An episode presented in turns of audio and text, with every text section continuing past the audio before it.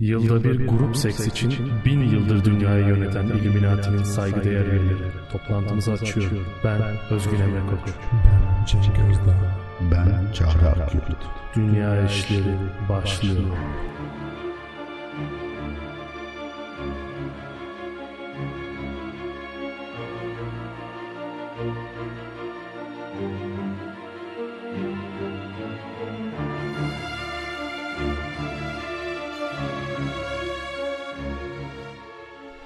Evet, sevgili Cenk ve Çağrı, Eyes Wide Shut'ı izlediniz. Ben izlemedim. Ben izledim. O zaman programı yapmayalım. Burada kapatıyoruz arkadaşlar. Hoşçakalın. Haftaya görüşmek üzere. Bir hafta sürer mi ya izlemesi? Bence bir saat sonra başlayalım. evet yani iki buçuk saatlik bir film. Tamam aslında. şöyle yapalım. İki buçuk saat boyunca kayıtta kalalım. Dinleyicilerimiz de bizimle birlikte beklesin o sırada. Ee, şöyle izlerken. yapalım isterseniz. Siz başlayın ben arkada açayım izleyeyim o sırada. Zaten çarpı 5'te falan izle. Yavaş akıyor film. Ha öyle yapacağım zaten. Tom Cruise genelde uzun uzun yürüyor. Özeti falan yok mudur ya özetini izlesem? Ya özetödevim.com diye bir sayfa var. Çocuklar oradan çekip bakıyorlar. Oradan bak Ha abi. tamam kesin vardır izlemiş biri yazmıştır. Tabii tabii. Türkçe dersinde. Milli Eğitim Bakanlığı 100 temel eser. Eyes Wide Shut. Eminim öyle. Eyes. Wide, Shut, Eyes Wide Shut'ı izlemeyin dövüyorlar zaten. Bildiğim kadarıyla bir seks filmi ama Seks mi? öyle biliyorum. Abi aynı filmi Değil mi? izledik. Bir dakika biseks filmi mi dedin? Bir seks filmi evet. Evet biseks insanlar izliyor bu filmi sadece. Yani ben Oo. öyle duydum izlemedim ama Abi sen çok yanlış duymuşsun ya. Film baya böyle ezoterizm falan onlarla ilgili. Sen seks mi gördün sürekli? ya o ezoterizmi erotizm diye mi anladın acaba abi? Bana erotizm filmi dendi bilmiyorum ya, yani. Wikipedia falan öyle algılamış. Bak ne diyor biliyor musun? Biliyorsun muhtemelen de erotic mystery, psychological drama film. Amerikan Abi- seyircisi olunca tabii normaldir. Kubrick'in eşi de e, bu bir aşk filmi demiş. O da o bile anlamamış yani. Biz neyi konuşacağız ki Bence şimdi? şöyle bir sorun olmuş abi. Kubrick eve iş getirmiyormuş ve karısı yani hiç nasiplenememiş garibim Kubrick'ten. Yani gerçekten hiç mi izlemedin Kubrick filmi? Bir kere oturup tartışmadın mı kocanla ya? Ya bu benim kocam ne iş yapıyor nasıl falan bir diye hiç evlilik bakmamış lan? herhalde. bu nasıl bir evlilik ya? Zaten şuradan belli Stanley Kubrick çok işinde gücünde bir adam. Eve gitmemek için yapmış olabilir bu işleri. Değil mi? Onun o obsesif tavırları, filmdeki ayrıntıcılıkları falan hep zaten bu yüzden. O tabii film, bir film bitecek eve geçecekler. Bu sürekli uzatıyor. Abi tam olmadı tam olmadı falan. Hatta o kadar uzatmış ki Guinness Rekorlar kitabına girmiş bu arada film. Kaç yıl sürmüş? Evet, 4 yıl mı? En uzun sürede çekilen film olarak. 400 gün 400 gün, ha, pardon. filmin çekimi. En uzun aralıksız film çekimi yapmış olması nedeniyle Guinness Rekorlar kitabına girmiş. Eyes Wide Shut'ıyla Kubrick. Abi biraz bana israf geliyor. Bak şöyle düşün. Tom Cruise'la 400 günün olsa 8 tane Top Gun çekersin yani. Tabii canım dedi misin ya? Zaten ilk dördü aynı olacak mecburen. Top Gun Ama- 16'yı çeker yayınlarsın yani arada. Abi Nicole E Kidman'la bu da yüzden yani- Kubrick, Kubrick olamazsın ama. ya çok da fifi şimdi Aradaki şöyle düşün. fark bu. Sen Kubrick olmadın ama 16 tane Top Gun filmin var. Bence başkasının Kubrick olması için sponsor yaparsın yani. Sponsorluk yaparsın. Bir de yani Kubrick Top Gun çekti de izlemedik mi ya? Full Metal Jacket çekti abi. Ya şimdi o gene sanat filmi. Bir daha görece. Sanat daha, mı filmi? Abi şöyle sanat film derken yani şöyle bence bir dikkat etmek lazım bu ayrımlara. Kubrick hem bir zanaatkar yani hem de sanatkar. Çünkü filmleri gerçekten özgün. O yüzden Full Metal Jacket herhangi bir popüler film değil yani hatta Şüphesiz. tipik bir popüler film değil. Yaptığı bu tarz filmlerin hepsi kült olmuş adamın zaten. Ama mesela pek çok insan açısından bakarsan Shining gibi filmler daha kolay izlenebilirken böyle hiç anlaşılmayan filmleri de var adamın. O yüzden dedim yani bazıları daha sanatsal yönü tırnak içinde diyorum. Sanat çevrelerinde izlemeyeni dövme durumları daha fazla bazı filmlerinde. Bir de Kubrick filmlerinin şöyle bir özelliği var. İşte bu sanat çevreleri deyince zaten biliyorsun sanat çevrelerinin iki ucu vardır. Bir şeyi ya çok sevip hayran olurlar ya da nefret ederler. Bir kampa katılman gerekiyor sanat çevresine mensup olabilmek için. Kubrick'i de çok sevenler ve nefret edenler var. Evet. Eyes Wide Shut da bu e, kategoriye girenlerden biri. Çok fazla nefret edeni olduğu kadar bizim gibi hayran olanları da var. Bilhassa ben kendi adıma konuşacak olursam benim için yani sinema Ya- tarihinin en önemli filmlerinden biri. Ha ne kadar biliyorsun Emre sinema tarihini dersen orada susarım bir şey diyemem tabii. Ya tarot destesi gibi bir film bana kalırsa yani böyle artık manyaklık derecesinde derecesine varan bir sembolizma dönüyor filmde. Ee, o yüzden benim için değeri büyük. Gerçekten tarot destesi gibi yani. Ya çok ince bir işçilik olduğu kesin yani. Şöyle bir tarafı var değil mi? Ben sinematografik olarak anlamam. Maalesef o kadar bilmiyorum ama anlam düzeyini tartışmaya açarsan katman katman ve her bir ayrıntısında o katmanları besleyen bir sürü şey var. Gerçekten insan şey diye şüpheleniyor yani. Acaba bu sembolizmaları yapmak için mi film çekiyor yoksa bir şey anlatmaya mı çalışıyor? Bazen yani çok güzel oturtacağım buraya dedim, demek için mi yapmış? Yoksa büyük bir anlam mı veriyor? Bazen şüpheye düşüyor insan. Ama yani bu kadar çok şeyi de çok güzel bir şey yapacağım bak nasıl da oturtacağım diye çekmezsin herhalde. Çünkü özellikle Eyes Wide Shut üzerinden konuşuyorum hiç şey yok. Yani boşa çekilmiş tek bir sahne, tek bir plan bile yok yani. Kamera hiçbir yere boşuna bakmıyor film boyunca. Evet bir şey var işte bu hani Çehov'la ilgili laf var ya silah bir kere gözükürse patlayacak falan. Bu evet. adamda gerçekten her bir anda şey diyorsun. Bir silah gözüküyor Her bir anda yani. bir silah var patlıyor. Yani her bir anda diyorsun ki burada da bir gönderme yoktur herhalde falan diyorsun. Orada da var anasını satayım yani. Orada da var evet. Zaten böyle bir planlarında yani yerleştirilmiş olan tüm objelerin yani müziğinden tut repliklerine, objelere, ışığa, kamera açısına kadar her şey ince ince planlanmış oluyor.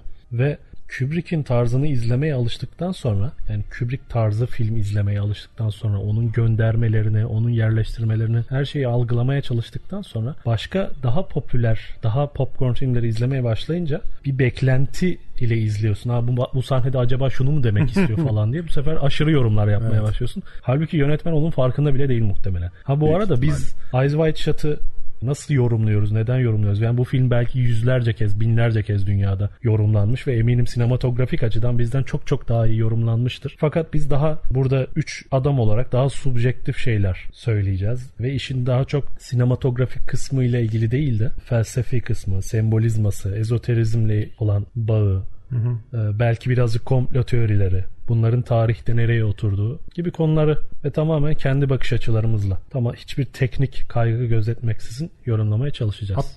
Yani elimizden geldiğince Kubrick'in eşi gibi yorumlamamaya çalışacağız. Kubrick gerçekten yakınından çok bir tokat yemiş yani.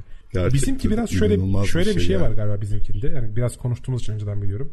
Şu şundan korkmayalım yani. Hakikaten insan bazen şey korkar ya fazla mı yoruyorum kendi alanıma diye. Ya Kubrick öyle bir bela ki mesela bir felsefeci baktığında bir de bir batıni görüşte bak, bakan bir insan için de çok doyurucu bir sürü şey var içerisinde. Bir psikoloji kökenli, psikanaliz kökenli bakan insan için de çok doyurucu şeyler var. Hakikaten belki bilmiyorum yani bir tarihçi baksa bambaşka bir başka şeyler de görecek.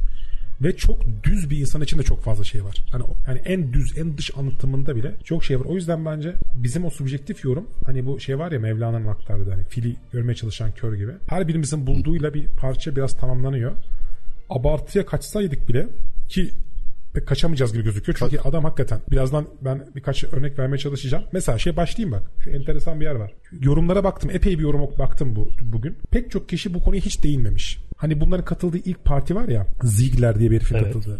Ziegler'in partisi. partisi. Ya bununla ilgili o partiyle ilgili bir sürü şey var. Siz de anlatırsınız. Oradaki iştar yıldızı falan filan mesela bir sürü şey. Fakat Hı-hı. oradaki iki ada hiç kimse dokunmamış. Mesela bir Victor yani Victor Ziegler bu daveti yapan adam evet. ve onun eşi Illana. Bu çok enteresan. Victor'un anlamını biliyorsunuz çok bariz belli. Muzaffer, zafer demek Hı-hı. falan. Adam güçlü. Hı-hı. Eyvallah. Zaten çok bariz belli bu. Fakat Illana adına gördüğüm kadarıyla neredeyse kimse girmemiş. Bu yeni yılın ağacı anlamına geliyormuş ilana. Yani daha doğrusu şöyle aslında ağaç anlamına geliyor birebir anlamı hmm. İbranice'de. Eski İbranice'de özellikle. Fakat bu Yahudi bayramı yani ağaçlar yeni yılın ağaç bayramı adıyla kullanılan bayramda o bayram tarihinde doğan kızlara verilen bir ad. Ve film açısından da ilk biliyorsunuz birkaç tören var, birkaç ritüel var. En büyük ritüel de en görünüşteki ritüel yani filmin başlangıcındaki ritüel Noel sahnesi.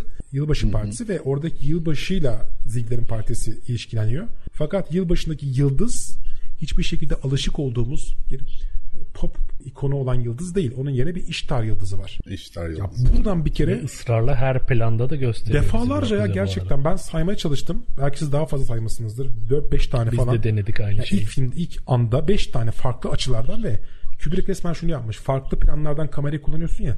Her bir plandan da o yıldız gözüküyor gerçekten. Bir bu, bu ayrıntı hani dikkat ettiğim kadar hiç yoktu. İkinci dikkat ettiğim yani ilk başlangıçtaki Kidman hani soyun yarı çıplak giyim giysisini çıkartırken izliyoruz ya sesini çıkartırken. Hı-hı. Orada bizi röntgenci pozisyonuna sokuyor ve çok ilginç bir şey. Film karanlık başlıyor ve başlarken ki müzik Shostakovich'in Valsi bir sıraya gitmeye çalıştım. Gerçekten de filmin akışında sürekli geriye dönük yani tarihsel olarak geri, kronolojik olarak geriye dönük bir müzik sırası var. Shostakovich önce, sonra Tchaikovsky, Tchaikovsky'den sonra Fındık Karan'ı kastediyorum Tchaikovsky'nin. Sonra Beethoven'ın operası kısa bir zaten bir tane operası var bildiğim kadarıyla. Fidelio. Fidelio. Ondan sonra da Mozart. Yani bunu ben şöyle biraz bağlamaya çalıştım. Arthur Schnitzler var bu hani şeyin Freud'un arkadaşı dönemin bu kitabı yazan, filmin esinlendiği kitabı yazan, Traum noveli yazan. Evet. Orada bir bilinç akışın akışıyla geçmişe doğru gidik yani gitmeye, rüya tabirleriyle bilinç altına inme çabası var. Burada da gerçekten müzikte bir geriye doğru gidiş yani daha ilkel beyine doğru gidiş, daha geçmişe doğru, derinlere doğru gidiş var. Ve her zamanki gibi kültürel kodlarıyla Alice adı yani Nicole Kidman adıyla başlıyor. Alice bir delik delikten geçiyor gibi yani bir tavşan deliğinden geçiyor gibi. Tabii bunu batıl yorumda da mümkün belki. Ama bir delikten geçmiş. O delikten biz onun peşinden gidiyoruz gibi bir durum var. Sırf bu kısımda bile gönderme yaptığı şeyi düşünüyorum. Yani psikanaliz, Lewis Carroll, ondan sonra bu müzikler Traum Novel yani Freud'a gönderme yapma. Sırf bir iki iki dakikalık bölümde yük inanılmaz fazla. Ben koptum yani izlerken orada. Yani orada defalarca izlemeye çalıştım iki dakikayı. Haklısın. Yani şeyler de var. Yani ilk sahneden itibaren işte sütunlar görmeye başlıyoruz. Şeyi mesela iki sütun arasından izliyoruz. Nicole Kidman'ı. evet. İki sütun ezoterizmde arasından geçildiğinde artık ezoterik plana geçilen alandır. Bu arada Yani iki sütun iki- arasında soyunuyor muydu, giyiniyor muydu? Yani bir şey Soyunuyor. hali var. Bir don değiştirme dediğimiz olay var. Ha, Farklı bir faza geçiyor. Arkasında yine böyle üçgen şeklinde görülen üçgen şeklinde açılmış perdeleri var. İşte ne bileyim yine hemen şeyleri görmeye başlıyoruz filmin başından itibaren. Sonrasında filmin her sahnesinde göreceğimiz tek bir sahne hariç Noel ağaçlarını görmeye Bir de başlıyoruz. tenis raketiyle top var orada. Gördün mü? Yani orada insan şey diyor. Acaba Yok. batıni bir şey yorum mu var? Yoksa tenis raketiyle topla ne demek istiyor bize? Gerçekten Şimdi bir noktadan sonra da gerçekten yani yoldaki toz yolda uçuşan toza bile anlam yüklemeye çalışıyorsun. Parano- saçma. paranoya Evet abi o iki sütun var ya. Suada bir üçüncü sütun var fark ettiniz mi? Gerçekten bak. Yarım yarım sütun Evet, var. yarım evet. sütun var. Bir de Ben onlara bir falan baktım. ayna meselesi var ya. Hani elbiseyi çıkartırken ayna var. Biz onun aynaya aksini de görüyoruz bir yandan. Ayna da bir şeye geçiş demek. Sır, bir, bir sırın arkasına geçiş. Öte, Öte dünyaya, dünyaya, geçiş. başka bir dünyaya geçiş. Ayrıca insanın içine dönüşünü de simgeler ayna. Çünkü kendine bakıp e, kendin üzerinde tefekkür ettiğin bir şeydir ayna. Hakikatle yüzleşme zaten çok sık Bir karşılaştığımız kendinle de bir şey. şeyi yapmak için yapıyor abi bence galiba. Bu bilmiyorum bu bunu da pek görmedim bu kısımda ayna ilgili. Hani aynı düz aynada şöyle bir sorun vardır ya gerçek görüntüyle sanal görüntü arasındaki fark yoktur aslında. Düz aynada. Böyle düz ayna var orada. Ve bence sık sık film ya Traum Novel adı da böyle değil mi? Hani Schnitzler'in yazdığı rüya ile gerçeğin iç içe geçmesi durumunu ayna çok iyi anlatan bir şey. Yani rüya demeyeyim de sanalla gerçeğin iç içe geçmesini. Ve filmde biz rüya ile gerçeğin çok sık iç içe geçtiğini görüyoruz. Yani rüyamsı böyle bir hani Emre'nin dediği sütunlar arasından geçtikten sonra girdiğin yeni boyut ve biz ilk aslında ilk o boyutla gözümüzü açıyoruz bir izleyiciler olarak. Aynen öyle. Yani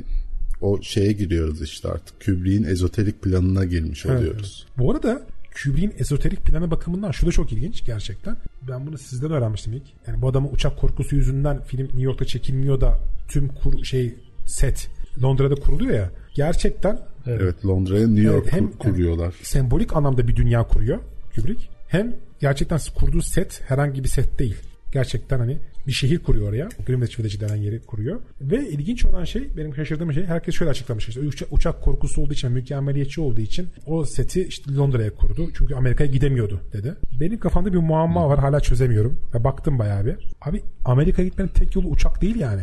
Niye bütçeden biraz kısıp da Evet, gemiyle de gemiyle gitmedi acaba Amerika'ya? Yani bütçeden Çünkü kısmaktan Kubrick. ziyade bence stüdyoyu, setini yani şimdi orada yeni bir cadde tasarladı ve her şeyini mükemmel bir şekilde yönetiyor o caddenin. Orada tam bir kontrolü var onun üzerinde. Bunu Yani- New York'ta yapmaya kalksa tamam oraları bir takım cadde caddedeki tüm dükkanları kapatıp onların parasını ödüyorlar bir şeyler yapıyorlar kapatıyorlar girecek çıkacak herkes kontrol edilebiliyor falan ama yine de Kubrick orada seti istediği gibi manipüle edebiliyor ve gerçeğiyle birebir aynı olması için New York'a falan adamlarını gönderip çekeceği alanın ölçülerini gerçek ölçülerini işte yolun genişliği, kaldırımın genişliği, gazete bayinin ne kadar nerede durduğu, levhaların hangi uzaklıkta nerede durduğuna kadar her şeyi ölçtürüp yaptırıyor. Posta kutularının yerleri bile orijinalleriyle aynıymış. Ama şimdi senin dediğin de doğru. Çünkü bir noktada zorluk çıkartmaya başlayabilir Kubrick'in teknik. Kubrick bazı planları yüzeysel 150-200 kere Evet. çekmesiyle Evet. ünlü. O yüzden böyle belli bir alanı kapatıp bir planı 200 kere çekmek çok kolay olmayabilir. Belki o rahatlığı da Eyvallah da vermiştir. York'ta da set kurabilirsin. Yani gerçek planı New York'ta yaparsın. Kurulmuşu da var. Universal'ın bilmem neyin içinde New York Onu, setleri onu demek var istiyorum. zaten. Ben ona yani şaşırdım. aslında. Şimdi bildiğim kadarıyla Londra'da olmasının özel taraflarından bir tanesi bu ünlü sahnenin çekildiği büyük malikane. Rothschild, Rothschild. Evet, yani. Bu bütün kompetörlerle ilgili olan işte Rothschild ve Rothschild'le ilgili başka şeyler de var filmin içerisinde gönderiyor. Rockefeller Center'dan bahsediyor falan filan. Yani şu bana ilginç geldi gerçekten. Ya Amerika'dan inanılmaz nefret ediyor ve gitmek istemiyor gerçekten. Böyle Sovyet casusu gibi tip ya da gerçekten adam şey ya kapristi zirve. Ya ben şunu anlayamıyorum. Tamam cadde kontrolünü anlıyorum, seti kontrolü anlıyorum da. Abi arada gerçek plan çekmek istiyorsan daha uygunu var. Bunu arada çekersin geceleri. Zaten gece geçiyor. Filmde şöyle değil ki. Gündüz alışveriş yapan işte esnafı kapatacaksın. Küçük esnaf ve ağlayacak gibi durum yok ki. Yani şaşırdım ben. Bilmiyorum. Hiçbir açıklama göremedim bununla ilgili. Evet, Gemi fiyatlarına baktım. gerçekten. Çok Abi da pahalı değil abi. Ben giderim ben öderim parasını. Abi işin para kısmıyla hiç ilgilendiğini düşünmüyorum zaten de. Yani Adam oraya şehir kurdurmuş ya. Şehir yani. Filmin bütçesi 64 Yani milyon dolar. gökdelen şu falan imkan var var ya yani. şu imkan Öyle bir şehir kanuni de olsaydı Viyana kuşatmasına Viyana, kuş, Viyana kuşatmasına gerek yoktu ya. Vallahi İstanbul'a kur bir tane. Minyatür Abi- gibi Viyana Türk. Abi düşünsene şimdi Türk sen ama. böyle Mimar Sinan falansın. Bu adamın etrafı fethetme arzusunu biliyorsun. Ben olsam şey yaparım abi. Ben sana yapayım. Ben yapayım götürürüm. sana bir tane. Nereden bilecek kanuni, coğrafya falan. Ben sana Abi Çorlu'ya aynısını götürürüm. yaparım. Viyana'ya geldik derim ya. Viyana'yı kuşatmaktan daha ucuza da Bir de abi gelebilir Viyana'yı aldıktan sonra da korumak falan lazım. Yani sen oraya girdin şimdi. Mehter Marşı da bir yere kadar. Sonra adamlar müzik falan isteyecekler doğru düzgün. Bittin yani adama isyan edecekler sürekli. Abi yağma yaptırman lazım. Yeniçeriyi doyurman lazım. İşin o kısımlarını kaçırıyorsunuz. Adamlar giriyor yağma Abi yapıyor. doğru doğru. Yeniçeri'yi işte lav etmek lazım. İkinci Mahmut yapabilirdi bunu. İki- Nasıl doyuracaksın? Yeniçeriyi de sadece yemekle doyurmuyorsun. Yani, Yani. başka ihtiyaçlarını da karşılıyorlar bir yeri. Artık işte ikinci Mahmut yapabilirdi belki. O lav geçirdikleri etti belki o yapardı ama işte geçti artık. Bu fikirler abi tarihte para etmemiş bunlar. Çok lüzumsuz. İşte belki bir gün böyle zamanda yolculuk falan bulunursa gidip bu Ben tavsiyeleri şey düşünüyorum böyle bilmiyorum ne dersiniz. Çanakkale'ye falan bir Kanal İstanbul maketi koysak da rahatlasa herkes. Yaptık hünkârım falan desek böyle rahatlasak. Ekrem kurdelesini açsa falan. Teslim olduk falan desek. Yer mi acaba? Olabilir ya. Ya muhtemelen yer de abi o kadar bütçemiz varsa başka işler ben sadece yani. çözüm, çözüm bulmaya çalışıyorum. Herkesin mutlu olsun diye uğraşıyorum. sorunu temel temelli çözebilirsin yani o Doğru. kadar bütçen doğru. varsa. Bütçe önemli bir sorun gerçekten. Neyse şeyi soracağım. Belli ki ama şey için önemli bir sorun değilmiş Kubrick için. 64 milyon doları basmış ve hayatına devam ediyor. Parayı basarsın çünkü bu senaryo üzerinde yaklaşık 30 yıl çalışıyor. 30 yıl boyunca Schnitzler'in romanı üzerinde çalışıyor, kitabı üzerinde ve böyle bir mükemmel anı bekliyor onu yapabilmek için. Kubrick'te böyle bir tanrısal role soyunma şeyi var. Sinema üzerinden yarattığı dünyada. Bir kere Kubrick'in şöyle bir kaygısı yok. Şimdi New York'un birebir belli bir bölgesini canlandırmaya çalışıyor ve bir gerçekçilik hastalığım var. Hayır. Kubrick kendisine ait bir dünyayı orada ye- yeniden yaratmaya çalışıyor. Evet New York'un orası ama Kubrick'in yarattığı. O yüzden tanrısal bir iddiası var Kubrick'in ki 30 yıl boyunca zaten bekliyor bu senaryonun üzerinde çalışıyor bu filmi. Ama çok az farklılık. 64 milyon Ama dolar da hiçbir para değil abi. Yani. Şimdi kendi dünyasını yaratıyor diyorsun da Greenwich Greenwich'la arasında çok küçük fark var biliyorsun. Bir tek o Sonat Cafe Sonat mı ne onun adı değişik yani. Onun dışında neredeyse her şey replika. çok fazla aslında şey var. Çok fazla e, küçük detay var. Mesela her izlediğimde yeni bir ayrıntı fark ediyorum. En son izlediğimde şunu fark ettim. Babası ölen kadının yanından çıktıktan sonra o kadın gece yanına gidiyor işte taziye için. Kadının sürekli söylediği yani başka şehirde konuşuyorlar ama kadının sürekli söylediği iki ifade var. Birisi thank you, thank you, thank you, thank you defalarca thank you diyor. Birisinde de e, I love you diyor. I love you diyor. Sürekli I love you diyor Tom Cruise'a. Ve oradan çıkıp yürürken meşhur şeyle Domino karşılaşacağı yere giderken Fahişe domino Evet öyle. karşılaşacağı yere doğru giderken duvar önce şu Yale'daki Bone and Skulls ekibiyle Yale'dan gelen çocuklarla Skull and Bones. pardon ya Skull and Bones ekibiyle karşılaşıyor ve onlarla karşılaşmadan hemen önce sağ tarafta bir binanın duvarında bir reklam var. İşte bir telefon numarası yazıyor. Altına da thank you I love evet, you yazıyor. Evet evet. Yani bu manyakça bir şey ve bunu bir saniye falan görüyorsun. Bu bir saniyelik görüntüyü verebilmek için sana o apartmanın yanında ve e, kadrajın çok kenarında kalan bir görüntüye Ya bunu bunun, yerleştirmiş. tabii ki bunun Yani birkaç örneği daha var ama değil. şunu demek çalışıyorum. Şehir yani e, mahalle replika neredeyse. O yüzden dedim hani apayrı bir dünya değil diye. Yoksa o afişi gene koyarsın oraya. Ve dediğine benzeyen senin bayağı bir gönderme yapıyor. Birkaç örnek daha veririz. Mesela örnek verdin. Domino var ya işte bu gittiği ilk görüştüğü. Domino'nun mesela evindeki kitaplar. Hatırlarsınız belki onu. Introduction Evet, evet to sosyoloji giriş ve bu çok bir önemli şey gerçekten sanırım. orada onun olması. Çünkü o kızın üniversitede bağını falan söylüyor olması önemli. Bir de dikkat ederseniz her bir zaman bir önceki plan bir sonraki olayı anlatıyor sürekli. Yani mesela Domino'nun evine girdiğinde ne vardı hatırlıyor musunuz? Duvarda masklar var. Masklar, sosyolojiye dikkatimi giriş onlar benim. ve orada yine şey var. Adıyla da bu domino meselesi de önemli. Çünkü taşlar gerçekten o dominonun önünü açmasıyla da ilgisi var burada. Bir de domino karakteriyle de ilgisi var. Dominonun tarihte bir sürü göst- gönde- tezahürü var. O tezahürlerden bir tanesi de bu tarz bir yol açması. Yeni bir kahramanın önüne yollar açma, açan bir karakter olması. Bir diğer ilginç şey sıkı durum. Bu hani Lolita var ya ki Lolita önemli. Çünkü yani Lily Sobieski'nin canlandırdı. Evet Milich'in kızı Milich'in Sobieski'nin canlandırdı. Şu yüzden önemli. Lolita'nın yönetmeni de Kubrick'ti gerçekten. Lolita vari bir karakter. Ve işin ilginci orada hani diyor ya kız Tom Cruise'a gideceğin yere giderken Ermin astarlı bir pelerin al. Domino'nun üzerindeki giysi Ermin'den yapılma. Yani Ermin'de bir, bir tür porsuk gibi bir şey galiba. Onun tüylerinden Gelincik hayvanın Evet bu, bu tür olduğu gelincik. bölgede şeymiş. Romanya ve Avusturya Macaristan toprakları aslında. Orada zenginliğin göstergesiymiş. Ve sık sık Avusturya Macaristan topraklarına gönderme var. Bunun bir nedeni Arthur Schnitzler olabilir. Çünkü Trauner yani Viyana'dan geliyor gerçekten. Bir diğeri, bir diğer önemli taraf burada. Dediğim o Ermin astarı meselesi. Ermin'in oradaki rolü. Ve gene Avusturya Macaristan'la ilgili belki konuştuk, konuşabiliriz onda. Şeyin Nicole Kidman yani Alice'in Ziegler'in partisine karşılaştığı Zandor Şavost yani bu Lavey yani satanik kilisenin kurucusuyla adının benzeştiği karakter. O da Macar. Ki o da Macar adı zaten. O öbür adam da Macar, Macar. tabii ki. Ve Çağrı'nın bizim gözümüzü açmasını sağladığı bu Romence ayin müziği yani gene o topraklar. Yani gerçekten bakıyorsun bir Avusturya Macaristan ağırlığını inatla kurmuş ve bir diğer önemli özellikle Greenwich Village denen bölge alternatif kültürün merkezlerinden biri. LGBT'nin yani gökkuşağı bayraklarının bulunduğu mahallelerden biri New York'ta ve gerçekten de Doğu Avrupalı göçmenlerin çokça bulunduğu bir yer. Yani pek çok şey bu Doğu Avrupa'ya, Doğu mistik tarafa, Traumnovele yani Schnitzler'e ve Freud'a gönderme yapıyor. O dönemki pek çok şey Viyana'ya gönderme yapıyor. Hatta Beethoven'ın e, Fidelio operasını başlatan kişi de bilmiyorum hatırlar mısınız ama Emanuel Schikaneder bu şeyi yapan Sihirli Flüt operasının librettosunu yazan adam. Yani Beethoven'ı orada konaklatıp bu besteyi yap diyen adam. Yani her biri Viyana'ya gidiyor. Kendisi Viyana Tiyatrosu'nun kurucusu. Bir Viyana ağırlığını her şeyiyle koymuş. O dönemki tüm anlatıyı koymaya çalışmış Kubrick. O yüzden çok enteresan. Bir, pek çok şey birbirine bağlıyor ve her zaman bir önceki sahne sonraki sahnelerin müjdesini veriyor bize. Evet birden fazla kez görüyoruz film boyunca yani bunu. Milich'in kendi Miliç de Sırp zannedersem zaten. Bay Miliç dükkanın sahibi, kostüm dükkanının sahibi. Rainbow. Rainbow kostüm evet, dükkanının. kostüm. Ona zaten geleceğiz, değineceğiz.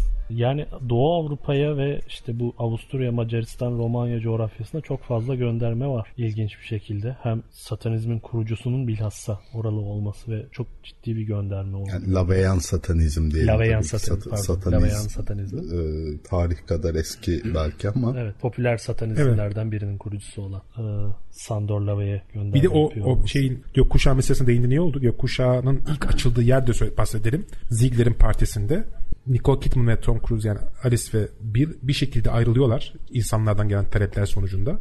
Alice'in zaman geçirdiği Sandor Zavos tüm yolculuk boyunca oradaki seyahat boyunca bir düşünsel seyahat diyelim ona dans ediyor ve başını döndürüyor şarabın da etkisiyle çok cüretkar bir şekilde girerek ve o aslında neredeyse hani biz daha önce de konuşmuştuk vampir yani bir Dracula var Kont Dracula var ya o baştan çıkarma sahnelerini görüyoruz ve orada çok önemli bir şey söylüyor Ovid'in Latin şair Ovid'in aşk sanatı eserine gönderme yapıyor. Ovid'in film açısından şöyle bir önemli tarafı. Ovid Metamorphosis'in yazarı yani dönüşümlerin başkalaşımların yazarı dondan dona geçişin insanın dönüşümünün tekamül edişinin doğanın tekamül edişinin yazarı. Bu bakımdan da çok önemli ve pagan yani alternatif bir genesis anlatan bir yazar. Bu açıdan da çok ilginç ve orada alternatif kültürün yani Soho'daki sanat galerisinden bahsedilmesi, Rönesans bronz heykellerinden bahsedilmesi ve orada Bill'i götüren iki tane ma- manken ya da genç kadının adları, adını defalarca tekrarlatıyor e, Tom Cruise'la konuşmalarında ve bu adlar soylu birilerine gönderme yapıyor. E, Rockefeller'in adının geçirilmesi ve en sonunda da nereye gideceğiz hani Win evet evet çok iyi Windsor- hatırladım.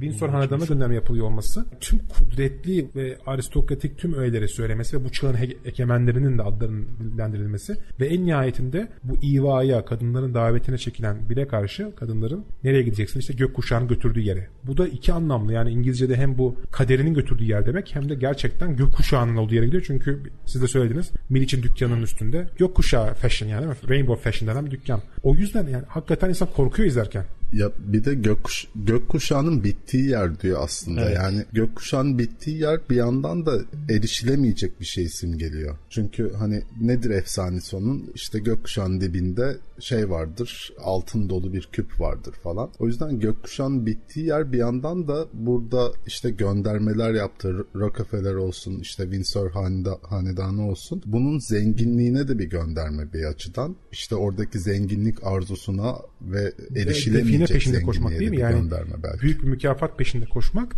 ve yine şey göreceğiz orada bence. Hani filmde Alice üzerinden bir Alice Harikalar diye söylemiştim ya. Bu gökkuşağı meselesinde Oz büyücüsü meselesi var. Yani gene o eski Evet. pagan anlayışı da canlandıran alternatif bir çocuk hikayesi, bir fairy tale da bağlıyor. Gene gerçeklikle rüyanın iç içe geçişine bence gönderme yapıyor. Bu da enteresan yani bu sahnede bile bağlamış onu gerçekten. Şeyi fark ettiniz mi peki? Bill Harford'ın yani Tom Cruise'un çağrıldığı katta Mandy'nin işte o kadının overdose olduğu sahnede arkadaki görüntüye. Tuvalet gibi bir yerdeler sanırım. Banyo İşte bu gibi. ya. Evin Bir tablo gibi var. bir İşte bu. Büyük tabloyu Tablo kastediyoruz. kim herhalde. yapmış biliyor Ha, musunuz evet, tabloyu? duvarda da bir tablo var. Evet onu merak Stanley ettim ama unuttum araştırmayı. Kimdi o? Ha evet Gerçekten. filmde zaten Stanley Kubrick'in eşinin tabloları film var. Hatta o odada da var yapmış bildiğim kadarıyla. Orada bayılmış bir kadın var tabloda. Bayılmış bir kadını sembolize ediyor. O da bence Evet. çok çok önemli. İşte bir komple teorileriyle biliyorsunuz bağlantısını bu hikayenin belki. Mandy adı önemli burada. İki nedenle. Bir Mandy'nin etimolojisi bakımından önemli.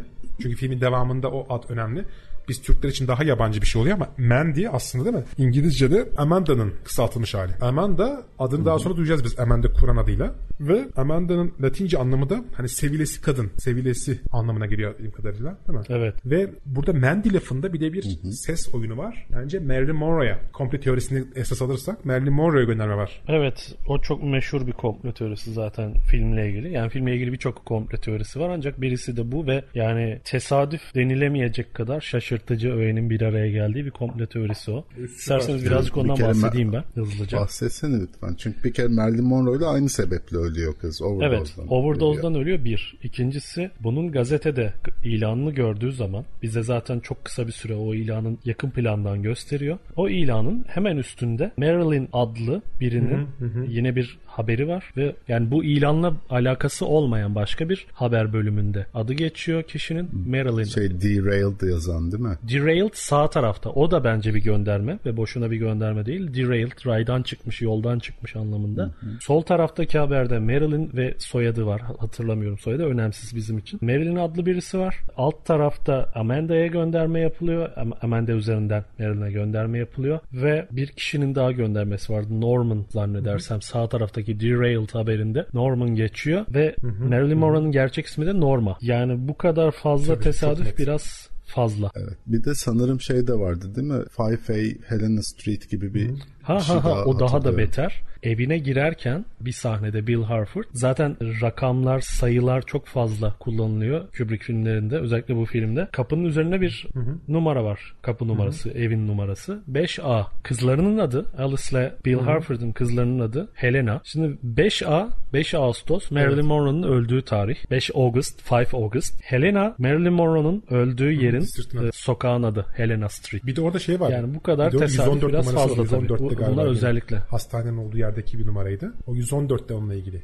Oranın geçtiği adresle ilgili. O da çok çılgın. O da çok çılgın. Ve Olabilir, sonra da bilmiyorum. komplo teorisi o kadar yaygınlaşıyor ki bu komplo teorisi. Pek çok insan tarafından kabul görüyor. Marilyn Monroe'nun öldürülmesiyle ilgili. Yani Marilyn yani rivayet şu Marilyn Monroe zenginlere hizmet sunmak amacıyla gönderiliyor. Ve bu hizmetlerden ya da işte orjilerden katıldığı orjilerden sonra bir şekilde rahatsızlık olabilir şu olabilir bu olabilir. ya öldürülüyor ya da kendisi buna dayanamayıp overdose sonucu ölüyor iddia bu. Ve Mandy'nin de yani filmdeki Amanda'nın da benzer şeylere katıldı zaten. Victor Ziegler de orada bir toparlanıyor pantolonunu falan giyiyor hatırlarsanız. O orada böyle bir hikaye var. Ve son yıllar sonra Lady Gaga bunun şarkısını yapıyor. Bu tarz yollarla ölmüş kadınların adlarını söyleyip bizim de bir Kubrick'imiz olmalı yani bizim hikayemizi anlatacak birisi olmalı diyor. Şey ilginç gerçekten. Ya bu doğrudur değildir ben yani hikaye tabii örtüşüyor Marilyn Monroe ile inanılmaz ölçüde ama bu Marilyn Monroe'yu anmanın ötesinde bir genel davranışı hani bu tarz kadınların sonucunu anlatıyor olması ilginç yani böyle bir şey varsa. Dehşet. Evet. Olağanüstü olan şey burada bizim açımızdan, film açısından Kubrick'in filme böyle birçok çözülmüş ve belki de henüz çözülememiş birçok bilmece yerleştirmesi. Bu bilmeceler üzerinden belki bir takım şeylere gönderme yapıyor. Hatta zaten bu göndermeler nedeniyle öldürüldü. Kendisinin ölmediği, öldürüldüğü falan gibi teoriler de var. Çünkü bu filmi tamamlayıp e, yapımcıya teslim eder etmez kısa bir süre sonra ölüyor. Yani 5 gün sonra. Evet kurgusunu tamamlamadan hatta ölüyor ve meşhur ayin sahnesi yapımcı tarafından yeniden kurgulanıyor. Çünkü işte iddiaya göre izleme filmin izlenmesine ilişkin lisanslar farklı şeyler var ya işte yetişkinler izleyebilir 16 artı izleyebilir falan gibi. Bu e, filmin daha fazla geniş kitleye ulaşabilmesi için bir takım değişiklikler yaptığını iddia ediyor yapımcı veya öyle iddia ediliyor. Tabi orijinal Director's Cut'ta ne vardı? Abi kompetörler şey iddia ediyor. yapıldı mı ben İşte bilemiyorum bu ama gizli örgütün başlarını ifşa ettiğini iddia ediyorlar. Fakat burada çok, Çok fazla buradaki şey komik olan şey siz o yüzden 400 gün kestiler çekilmiş falan gibi şeyler Yani bu kadar var. gizli bir örgüt 400 gün boyunca eğer filmi röntgenleyemiyorsa ve daha da ilginci gidip sen bunu Rothschild'in evinde yapıyorsan yani adamın değil mi şeytanın mabedinde evinde yapıyorsan Gerçekten Rothschild'in iç kısmı Rothschild'in evi değil. izin Dışarıdan gösterdiği kısım e, Rothschild'in tabii evi. ki de izin veriyor adam yani. İç mekan başka bir Sonuçta yer. Korsan çekmiyordu onu. Tabii. Mesela Saadet'in tek Gizli soyu falan. Kamerayla çekilmiş bir şey falan Ya değil. da yani. Uğur Mumcu'yu düşün şey, şey Uğur Mumcu diyorum. Abi Uğur Dündar'ı düşünsene açar Kapıyı mısın? lütfen falan. açar mısınız mısınız lütfen kapıyı? Abi yani Rothschild'de bunu yapıldığını falan. Yani gizli bir şey yapacaksan bunu orada yapmayacaksın. Geleceksin Türkiye'ye öyle bir tane eski konak bulacaksın çekeceksin. Bir hata yapmış Kubrick öyle diyelim. İfşa ederken yanlış yerden. Ya tabii muhtemelen öyle bir ifşa durumu yok. Fakat varsa eğer yani bu benim kişisel akıl yürütmem sonucu ulaştığım bir şey. Eğer varsa böyle sağdan soldan topladığı bilgiler varsa bunları kendince anlamlı bir bütün oluşturacak şekilde bir araya getirmeye çalışmış bu filmde. Bir de aslında Kubrick'in gönderme yaptığı tek bir gizli örgüt yok Tabii filmde. tabii birden Yani çok işte Laveyan şeye- satanizme gönderme yapıyor. Senin Kalan fark ettiğin bir şey var. yapıyor. Scientology Şey, tarikatı. Scientology, Scientology ile bağlantısı da önemli filmin. Çünkü hem Tom Cruise hem Nicole Kidman Scientology üyesi iki ünlü zaten. Bir de şeyi iz, fark ettik izlerken. Şimdi bu Alice'in fantezisinde hem şey anlattığı, bile anlattığı hem de sevişirken rüyalarını gördüğümüz bir denizci izliyoruz filmde. Bu Scientology'nin kurucusu L. Ron Hubbard da bir denizci aslında. Şimdi Emre ile yeniden izlerken filmi şeye dikkat ettik. Rütbesine baktım ben. Apoletinden tut da filmdeki denizcinin göğsündeki bu şeylere madalyalarına kadar birebir L. Ron Hubbard'la aynı. Yani rütbesine kadar aynı. Dolayısıyla aslında Scientology'ye de hatta çoğu insan şeyi iddia ediyor. Yani film, filmin tamamen Ya Scientology'yi orada bir uçukluk var ama bence iddia Elron edenler meselesinde çok haklısınız. Ben de sizden sonra tekrar baktım. Şüpheye yer yok orada. Yani aç kameranın açısı da önemli. Yani biz orada şeyi görüyoruz resmen. Yemeğini yiyen bir adam gibi Nicole Kidman yatıyor. Adam onun üzerinde sadece sevişiyor. Uzun bir süre. Filmin ikinci Evet. ikinci rüya tipinde ise bir arınmadan sonra o subayın forması çıkıyor. Gerçek bir sevişme izliyoruz ama öncekinde adeta böyle bir poz kesme, bir erotik çekim gibi yani bir sanki fot- photoshooting gibi orada bir seks sahnesi görüyoruz ve Nicole Kidman adeta o bakışlarıyla izleyen kişiye kıskandırmak amaçlı yapıyormuş gibi gözüken bir sahne var. Sonra da bu tavır, tavır değişiyor. Bence oradaki yani L. Ron Hubbard kısmı bence çok haklısınız. Kesinlikle öyle. Ama şu aşırı bir yorum bence de. Scientology'yi anlatıyor da masonları anlatıyor gibi. Yani bir örgütü anlatıyormuş gibi. Anlatım da bence abartı var. Çünkü şuradan da bakmak lazım. Şimdi New Age meselesi var değil mi? Yani Türkiye'de de vardı. Gurciyev hani Türkiye topraklarından çıkan büyük işte batini tasavvuf demek, tasavvuf demek lazım belki. Mesela o da modern yaklaşımların çoğu eski mistik anlatıları birleştiriyor. Kadim anlatıları birleştiriyor. Pekala Kubrick de hepsini iç içe geçirmek, geçirmek istemiş tabii. Çünkü belki de şunu anlatmaya çalışıyor. Yani hayata bakışta iki farklı yol var. Bir düz hani bizim gerçek tırnak içinde gerçek dediğimiz yol. Bir de sembollerin dünyası. Bu ikisini karşılaştırırken de insanların motivasyonlarını belki karşılaştırıyor. Hatırlar mısınız? Yani demin söylemiştiniz. Bill Harford o Greenwich Village'de gezerken o yeni yetme gençlerin katıldığı bir öğrenci değil mi? Yani kardeşlik örgütünün saldırısına uğruyor. Çünkü orası şey hatırlatmak lazım. Yani Greenwich köyü Village denen yer gaylerin yani LGBT'nin çok olduğu bir yer ve orada belli ki onlar sokağa terörize etmek için geziyorlar orada. Ve orada tek başına gezen zengin bir adam sanki orada bir partner bulmak için geziyormuş gibi algılandığı için ona saldırıyorlar. Mesela bir bu boyutuna. Bir de ona ibne diyorlar. Bak çok orada bence bilerek çakıştırılmış bir şey var orada. Araya girdim ama devam et hemen. Bill Harford'un bize tarif edilme biçimi Alice'in karşısında işte böyle çok modern işte eşini kıskanmayan falan ve işte kadınların çok da fantazileri, arzuları falan olmadığını sanan bir adam. Böyle birazcık saftirik bir adam bu sözde. Fakat ve orada Skull and Bones üyesi Yale Üniversitesi'nden öğrencilerin karşısında da onlar tarafından aşağılanması işte ibne falan denmesi sözde yani onun erkekliğini alçaltmaya çalışmaları onların gözünde. Bu bir şey değil. Onu erkekliğe değil, zorlayan değil mi? Onu tırnak içindeki erkekliğe zorlayan tahrik etmek amaçlı bir sahne. Bir de Evet evet. Zaten Alice onu öyle bir yolculuğa çıkarıyor. Yani Alice kendisi bir harikalar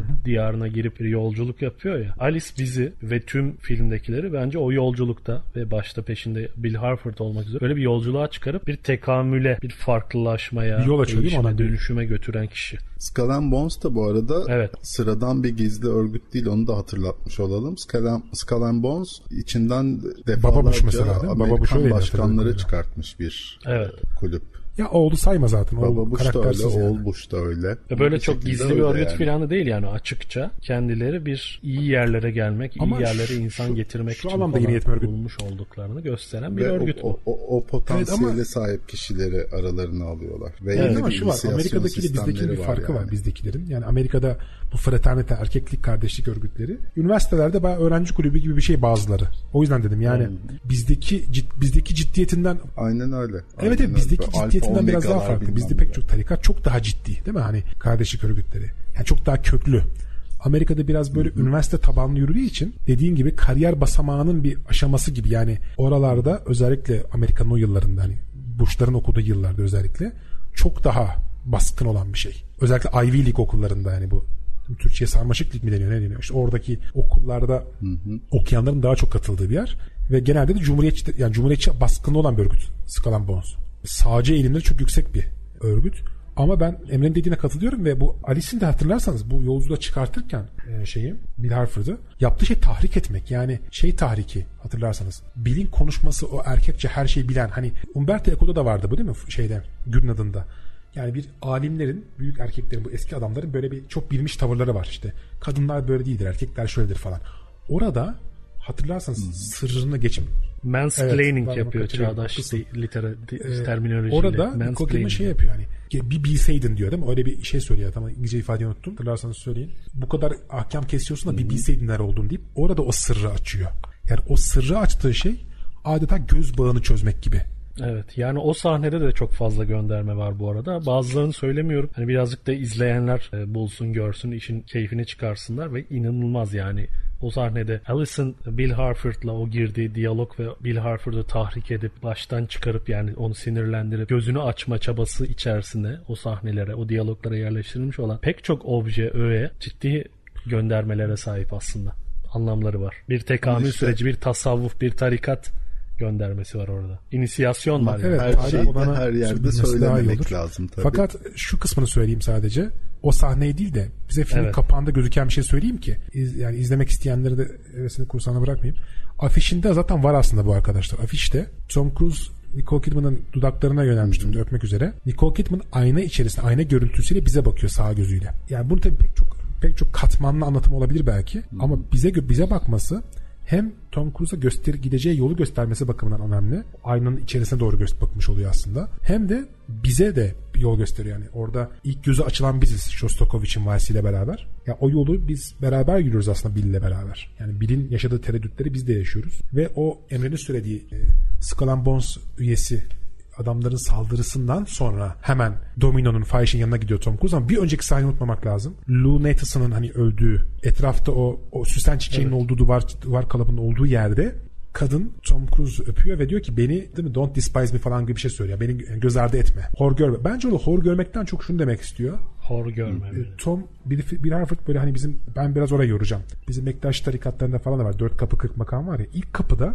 çok katı kurallar var. Kadınlar böyle yapmaz. Erkek böyle yapar. Ben kariyerim yolunda yürüyorum falan. Orada şunu söylüyor bence. Bu dünyevi olana hazları, kadınları, bu ilgiyi göz ardı etme. Etrafında bu dürtü var. Bu yönelim var. Etrafında bu var. Beni, beni sakın hor gör. Yani kadınlığımı, benim özgünlüğümü sakın kenarda bırakma gibi bir şey de var bence. Hafife alma. Dürtülerini hafife alma. Evet. Hafife almadı Böyle bir diyor yani. Yani. hafif uyandıran anlardan biri onu zorla öpmesi kadının. Film zaten Bill, Far- Bill Harford'un uyanış, eyes wide shut dediği şey o. Bill'in gözleri kapalı. Film boyunca bu gözlerin açılması eğer açıldıysa. Filmin sonunda açılmış, açılıp açılmadığına ilişkin de bizi bir tereddütte bırakıyor. Kubrick ama film aslında bu gözlerin Açıldığı kadar açılması evet. Ama süreci. şeyi Ne kadar dürtüleri açmış olması şöyle çok önemli. Hatırladığım kadarıyla Gurcev'te de bu var. E, Dürtüleri açma meselesi. Diğer tarikatların çoğunda da var. Hatta harabi değil mi? Senin evinin oradan çıkan bir bizim filozof ve mutasavvıf. O da diyor yani beyhude nefsine eziyet etme. Yani sen gelişmek istiyorsan nefsine acı çektirmek amacıyla yola çıkma. Bir nefsin tanı. Ne olduğunu tanı kendinde. Ve orada dominoya, dominoya gidiyor. Kendini bilme yolunun ilk aşaması. En Kendini kontrol edilmesi zor olan tarafını, en ilkel beynini kontrol etme ve bunu tanıma tarafına gidiyor.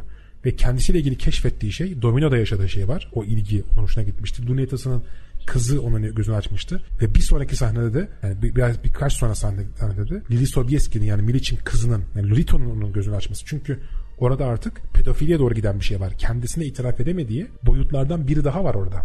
Kendini tanıma sürecinin ne kadar sancılı olduğunu da görüyoruz orada. Yani dürtülerinle karşı karşıya kalıyorsun. Yani en ilkel yanlarını ortaya çıkarıyor ve korkabileceği Evet şeylerle ve karşılaşmaya başlıyor. sefer hatırlarken şunu unutmayalım arkadaşlar. Yani o ayna meselesi, gerçeklikle bağlantı meselesini onu unutmayalım. İkinci mesele de bence çok önemli bu da. Midsommar'da da görmüştük bunu. O yolculuğun başladığı yerde bir mantar kullanılmıştı hatırlarsanız. Burada evet, Evet, ve otomatik açıyor bir yara bandı kutusundan şeyi çıkıyor. Yani O aslında şu var. Yara bandı nedir? Yaralarımızın üstünü örter değil mi? O yara bandından esrar çıkıyor ve kadının ilişkisiyle ilgili yarasını Evet. yani o deniz subayıyla kurduğu fanteziyi açıyor tekrar ortaya. Adeta Pandora'nın kutusu gibi. Yani adeta tekrar Adem'in elmayı yiyip karşılıklı çıplak kalıyorlar. Dürtülerini apaçık herkes görüyor artık. Hep gizliyordu. Artık dürtüler apaçık ortaya çıktı. Yani bu, bu önemli. Yani orada adeta kadının asabı bozuldu. insanın kibri karşısında. Yani sanki bir İbrahim din anlatısını kullanırsak şeytanın asabı bozulmuş gibi. Yani çok mükemmel bir insan gibi sunuyor kendisini. Ve diyor ki sen bu kadar mükemmel değilsin yani. Sen hiç emin değilsin emin gözüktüğün halde. Çok derinlerinde sen her şeyi ka- kaybetmiş bir insansın. Bunu inanılmaz ortaya koyuyor.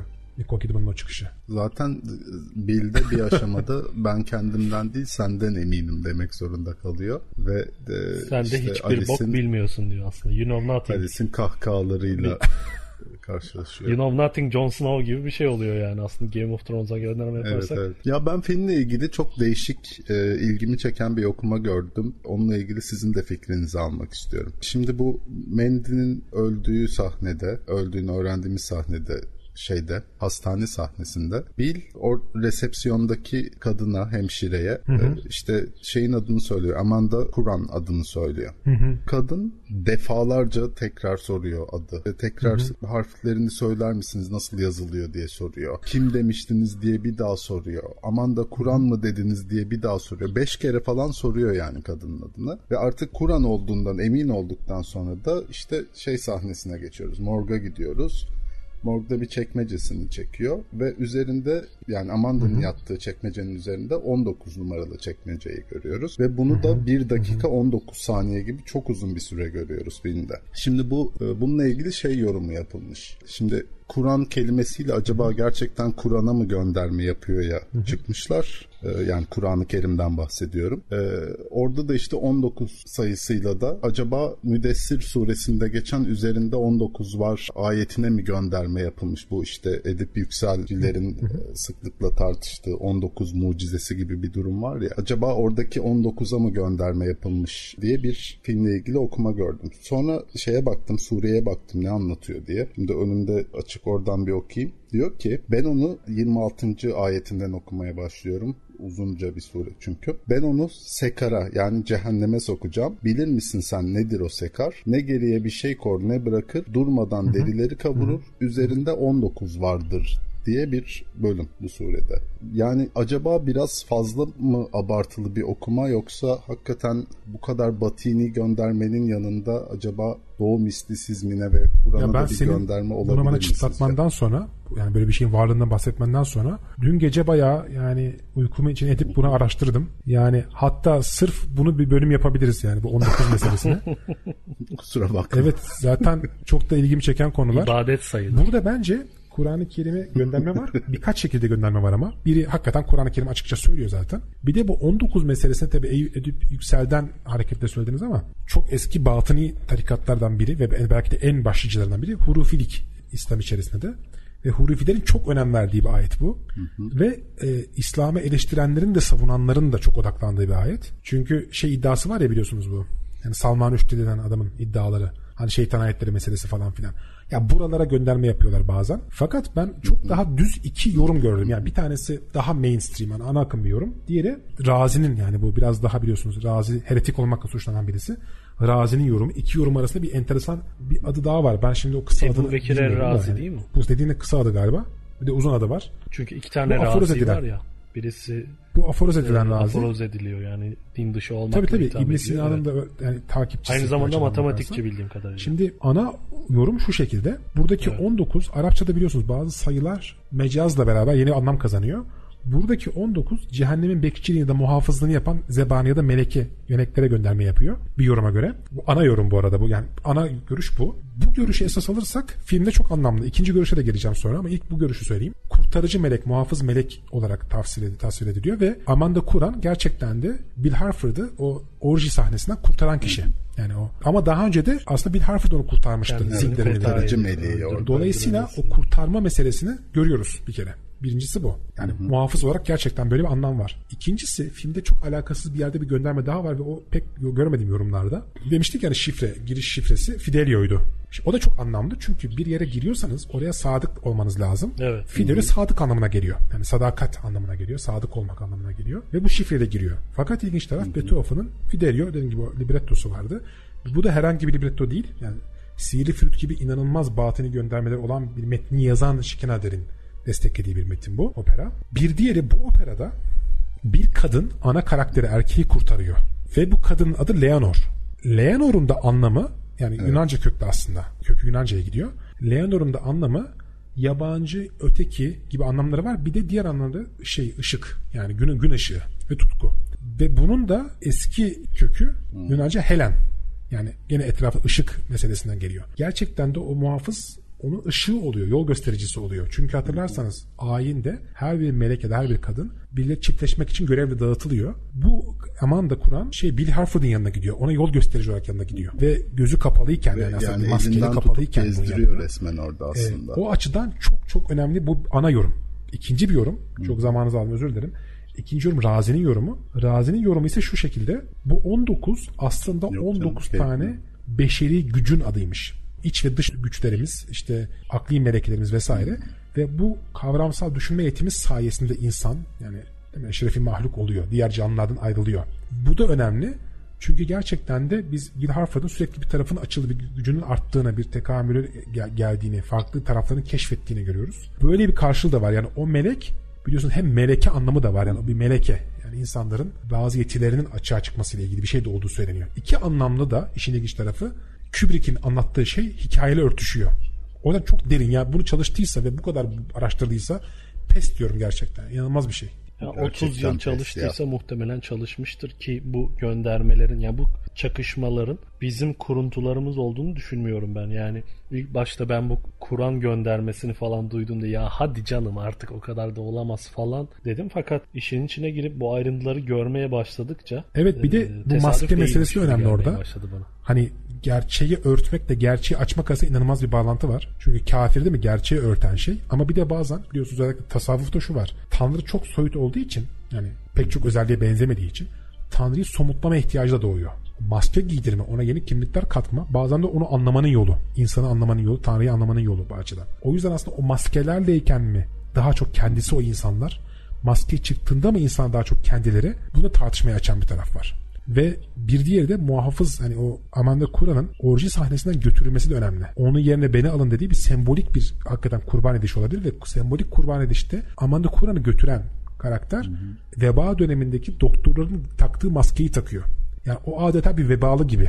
Hem ölümü sembolize ediyor hem de vebalı. Yani bak hatırlarsanız filmin sonlarına doğru Victor ne diyor?